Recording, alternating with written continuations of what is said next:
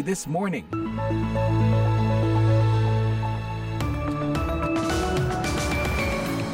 Hai, selamat pagi. Inilah VOA This Morning, Selasa 16 Januari 2024. Masih tanggal 15 di Amerika yang diperingati sebagai Hari Martin Luther King Jr. Day atau MLK Day. MLK terkenal dengan idealisme kesetaraan ras dan kata-katanya I have a dream. Dan sudah pasti kantor-kantor di ibu kota tutup karena hari libur federal dan juga bertepatan dengan hari salju pertama di wilayah Washington, Maryland, dan Virginia.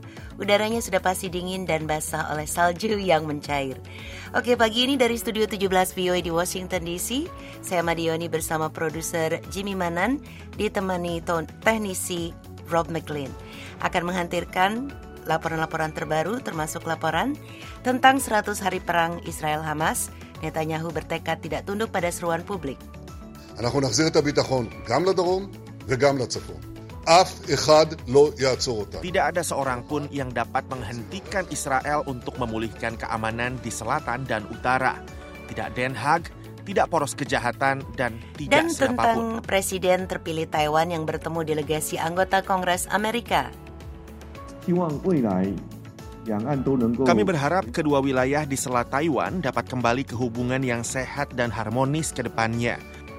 Demikian cuplikan laporan pagi ini. Siaran ini juga bisa diikuti secara live streaming di www.voaindonesia.com atau simak lagi dalam podcast VOA This Morning episode hari ini di podcast langganan Anda.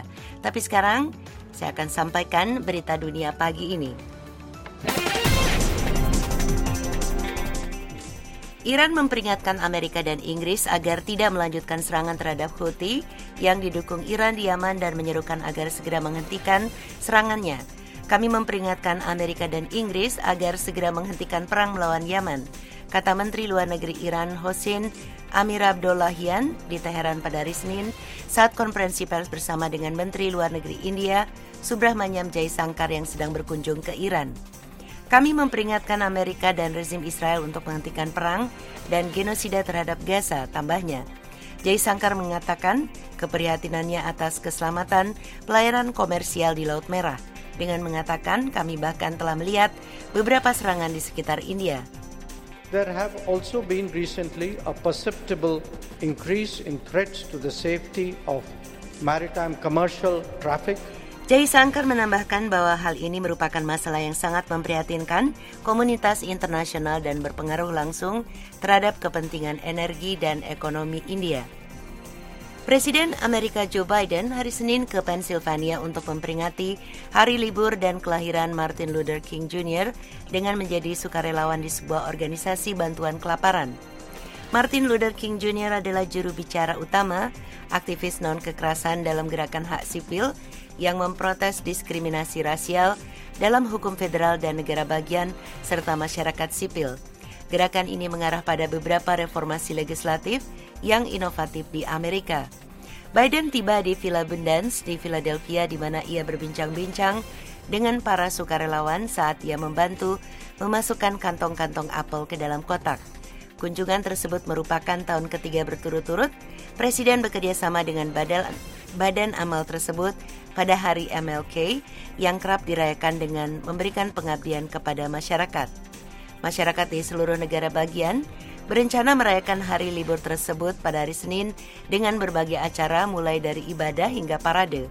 Namun badai musim yang sangat dingin membatasi beberapa kegiatan yang direncanakan.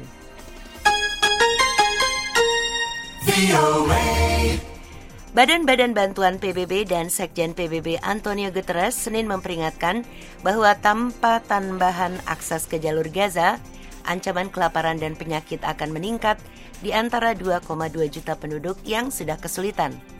United Nations and our partners cannot effectively deliver humanitarian aid while Gaza is under such heavy, widespread and unrelenting bombardment. This endangers the lives of those who receive aid and those who deliver it. Kepala Program Pangan Dunia atau WFP, Badan Anak-anak PBB UNICEF, dan Organisasi Kesehatan Dunia atau WHO dalam pernyataan bersama juga mengatakan bahwa pembukaan rute masuk yang baru makin banyak truk yang diizinkan melewati pemeriksaan perbatasan setiap hari, pembatasan yang lebih sedikit terhadap pergerakan pekerja kemanusiaan, dan jaminan keselamatan bagi orang-orang yang mengakses dan mendistribusikan bantuan diperlukan agar pasokan yang cukup dapat menjangkau warga Palestina di Gaza. Kita tidak bisa hanya berdiam diri dan melihat orang-orang kelaparan.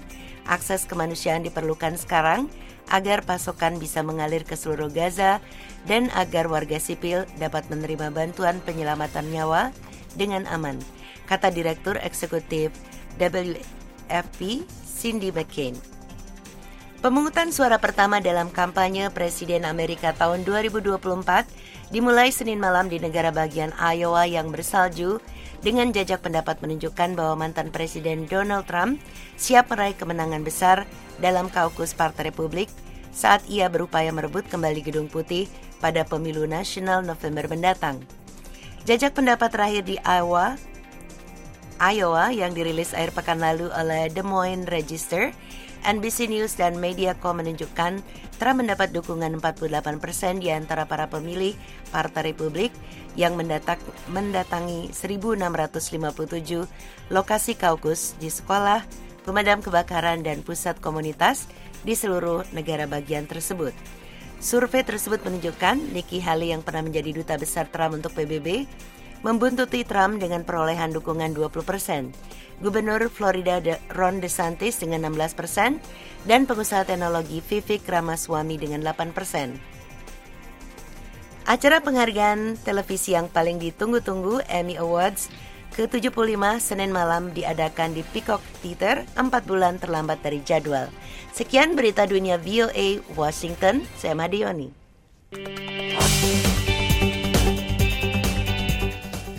Pendengar hari Minggu 14 Januari lalu menandai 100 hari sejak Hamas melancarkan serangan ke bagian selatan Israel yang ditanggapi negara Yahudi itu dengan melakukan operasi militer di Gaza. Lebih dari 23 ribu warga Palestina di daerah kantong itu telah meninggal dunia. Berikut laporannya. Pendengar, sudah 100 hari berlalu sejak para pejuang Hamas melancarkan serangan ke Israel yang menewaskan 1.200 orang. Hamas juga menculik sekitar 240 orang lainnya. Dari jumlah itu, sedikitnya 105 sandera telah dibebaskan, tapi banyak lainnya masih ditawan. Keluarga salah seorang sandera, Jimmy Miller, menjabarkan bagaimana ia ditahan tanpa diberi makan dan air minum dengan kondisi yang tidak manusiawi. Present without food, without light, without water, without Operasi militer dari darat dan udara yang dilakukan Israel di Gaza bertujuan untuk menghancurkan kelompok militan itu. Kementerian Kesehatan Palestina di Gaza, wilayah yang dikelola oleh Hamas, mengatakan hingga hari Senin sedikitnya 24.100 warga Palestina meninggal. Sebagian besar adalah perempuan dan anak-anak. Lebih dari 85 persen warga Gaza yang berjumlah 2,3 juta jiwa juga telah mengungsi ke tempat yang lebih aman. Heba Bakir yang sedang hamil 6 bulan mengatakan bagaimana ia bisa melahirkan di tengah situasi tanpa layanan kesehatan. Dari Vatikan, Paus Fransiskus kembali menyampaikan seruannya demi perdamaian. Free, free Palestine! Demonstrasi memprotes perang berkelanjutan Israel-Hamas berlangsung di banyak kota di dunia pada hari Sabtu 13 Januari, antara lain di Washington DC, Roma, London, dan Jakarta. Tetapi Perdana Menteri Israel Benjamin Netanyahu mengatakan tidak akan tunduk pada tuntutan publik. Tidak ada seorang pun yang dapat menghentikan Israel untuk memulihkan keamanan di selatan dan utara. Tidak Den Haag, tidak poros kejahatan, dan tidak siapa pun. Seorang politisi senior Hamas, Osama Hamdan, mengatakan mereka merawat para sandera dengan baik. Ia merujuk pada perjanjian yang menurut Israel dicapai dengan Qatar untuk mengantarkan obat-obatan bagi para sandera. Kami sangat ingin mengobati mereka, tetapi sejauh ini kami mengobati mereka dengan obat apa pun yang tersedia dan bisa dijangkau orang-orang kami. Kami berterima kasih kepada saudara-saudara kami di Qatar yang telah berinisiatif mengirimkan obat-obatan. Dengan tanpa isyarat akan segera berakhirnya konflik ini, para demonstran di Tel Aviv berdiri dalam keheningan selama 100 detik pada hari Minggu, mewakili jumlah hari para sandera yang ditawan. Penghentian aktivitas sipil dan militer juga diumumkan oleh Federasi Serikat Buruh Israel menandai penghentian perang.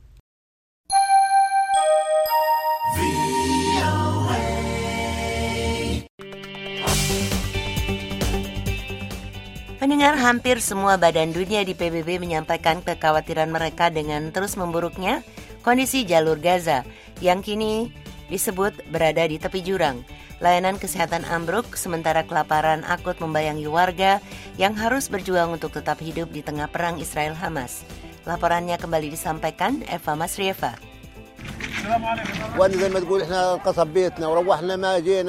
Rumah saya dibom. Saya lari ke tempat ini tanpa membawa apa pun, termasuk uang. Padahal kami perlu makanan, roti, dan selimut. Sekarang ini musim dingin, dan saya tidak punya apa pun, bahkan pakaian ganti sekalipun. Alhamdulillah beberapa hari terakhir ini ada makanan yang didistribusikan, sehingga kami tidak harus bersusah payah mencari tepung untuk membuat roti, ujar Nevin. Ya inilah situasi di jalur Gaza saat ini. Warga kelaparan dan musim dingin semakin memperburuk keadaan. Direktur Badan Kesehatan Dunia WHO untuk kawasan Mediterania Timur, Ahmed Al-Mandari, hari Senin mengatakan sistem layanan kesehatan di Gaza kini berada di tepi jurang. Sistem layanan kesehatan di Gaza kini berada di tepi jurang, berupaya keras dengan apa yang mereka miliki untuk dapat mempertahankan fungsi mereka di tengah tantangan dan ancaman serangan yang sangat luar biasa. Dengan hanya 15 dari 36 rumah sakit yang berfungsi sebagian, banyak korban luka-luka akibat perang berkelanjutan Israel-Hamas yang terpaksa dirawat di lantai-lantai rumah sakit yang sangat padat. Banyak yang seharusnya dapat diselamatkan kini sekarat karena kurangnya dokter spesialis, BBM, listrik, obat-obatan, makanan, dan air bersih. Para pengungsi kini menghadapi kemerosotan layanan sanitasi dan hidup tanpa makanan atau air hangat padahal suhu di sekitar mereka mencapai titik beku tambahnya. Secara terpisah, Program Pangan Dunia WFP dan Program Bantuan Pendidikan dan Anak-anak UNICEF memperingatkan resiko kelaparan akut yang mengancam warga Palestina di Gaza. Direktur WFP untuk Palestina, Samir Abdel Jaber, mengatakan sejauh ini telah menjangkau sekitar 1,4 juta orang tapi semua orang kini kelaparan dan banyak yang tidak makan selama berhari-hari. There are people starving in areas and we are not able to give basic food for. Ada orang-orang yang kelaparan akut di banyak daerah dan kami bahkan tidak bisa memberikan makanan pokok pada mereka. Apa yang dibutuhkan warga melesat lebih cepat dibanding kemampuan kami menanggapinya. Kami perlu membawa lebih banyak pasokan dan membutuhkan akses yang aman untuk menjangkau semua orang di Gaza, bukan hanya daerah yang letaknya berdekatan dengan perbatasan.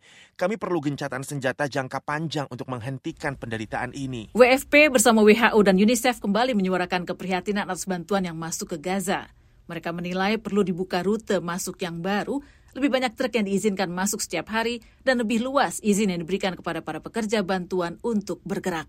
Israel justru menyalahkan PBB dan kelompok-kelompok lain atas masalah itu.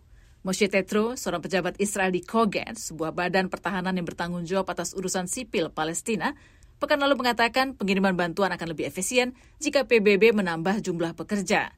Ia mengatakan lebih banyak truk diperlukan untuk memindahkan bantuan ke Israel supaya dapat diperiksa dan jam kerja di perlintasan Rafah antara Gaza dan Mesir perlu diperpanjang.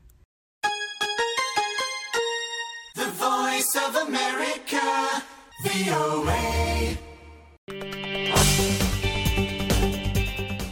Lai Ching-te mendeklarasikan kemenangannya Sabtu lalu setelah terpilih menjadi presiden Taiwan berikutnya masa pendukung Partai Demokrasi Progresif atau DPP Taiwan turun ke jalan untuk merayakan sejarah baru. Meski pelantikan Lai baru akan dilangsungkan pada Mei mendatang, sejumlah persoalan dari dalam dan luar negeri sudah menunggu pemimpin baru tersebut. Selengkapnya disampaikan oleh Taris. Kemenangan Lai Ching-te dan DPP dalam pemilu presiden Taiwan yang berlangsung akhir pekan lalu menjadi sinyalemen bahwa Taipei akan meneruskan kebijakan yang telah dijalankan Presiden Taiwan Tsai Ing-wen di kancah internasional, utamanya terkait hubungan diplomatik antara Taipei dengan Beijing. Dikutip dari kantor berita Reuters, Lai Ching-te yang saat ini masih aktif menjabat wakil presiden Taiwan hingga nantinya dilantik sebagai presiden pada bulan Mei, menyatakan bahwa dia akan menjaga status quo Taiwan serta berupaya membangun dialog antara Taiwan dan Tiongkok. Kami berharap kedua wilayah di Selat Taiwan dapat kembali ke hubungan yang sehat dan harmonis ke depannya. Memang, seperti yang telah Anda sebutkan, Presiden Tsai Ing-wen terus menyampaikan niat baik dalam 8 tahun ini. Sayangnya, Tiongkok belum memberi tanggapan yang semestinya. Keinginan tersebut mendapat sambutan positif dari para pendukung DPP, meski terdapat keraguan dalam pelaksanaannya karena partai itu kehilangan suara mayoritas pada pemilu tingkat legislatif kali ini. Chang Yushan adalah salah seorang pendukung DPP yang hadir dalam deklarasi kemenangan Lai. Kepada Reuters, ia mengatakan, Saya sedikit khawatir dengan fakta bahwa tidak ada satupun dari ketiga partai yang mencapai mayoritas di parlemen. Namun saya pikir ini adalah pilihan yang dibuat oleh rakyat Taiwan. Amerika Serikat mengapresiasi hasil pemilu Taiwan, menyebutnya contoh demokrasi yang sukses didasarkan pada transparansi. Dikutip dari kantor berita Associated Press, Ketua Delegasi Amerika Stephen Hadley menegaskan kembali komitmen Amerika Serikat untuk Taiwan sewaktu ia menemui Presiden Taiwan Tsai Ing-wen bersama para delegasi Amerika Serikat hari Senin. Kami menantikan keberlanjutan hubungan antara Taiwan dan Amerika Serikat di bawah pemerintahan yang baru, serta upaya bersama untuk menjaga perdamaian dan stabilitas lintas selat. Meski begitu, Presiden Joe Biden sebelumnya menyatakan bahwa pihaknya tetap tidak mendukung kemerdekaan Taiwan. Kebijakan diplomatik One China Policy atau kebijakan satu Tiongkok membuat Amerika Serikat hanya mengakui Tiongkok sebagai satu-satunya negara berdaulat. Kebijakan tersebut juga menjadi alasan bagi Nauru memutuskan untuk tidak lagi mengakui Taiwan sebagai negara berdaulat. Negara kepulauan di Pasifik itu beralih mengakui Tiongkok. Taipei pun merespon cepat dengan memutus seluruh hubungan diplomatiknya dengan Nauru, termasuk menarik seluruh staf diplomatik dan meminta penutupan kedutaan besar hari Senin. Perubahan sikap diplomatik Nauru pasca pemilu dianggap sebagai bagian dari tekanan Tiongkok kepada Taiwan. Sejumlah pakar memperkirakan bentuk tekanan diplomatik Tiongkok serupa akan berlanjut, setidaknya hingga Presiden Taiwan terpilih Lai Ching-te dilantik pada Mei mendatang. Taris Sirziman melaporkan untuk VOA Washington.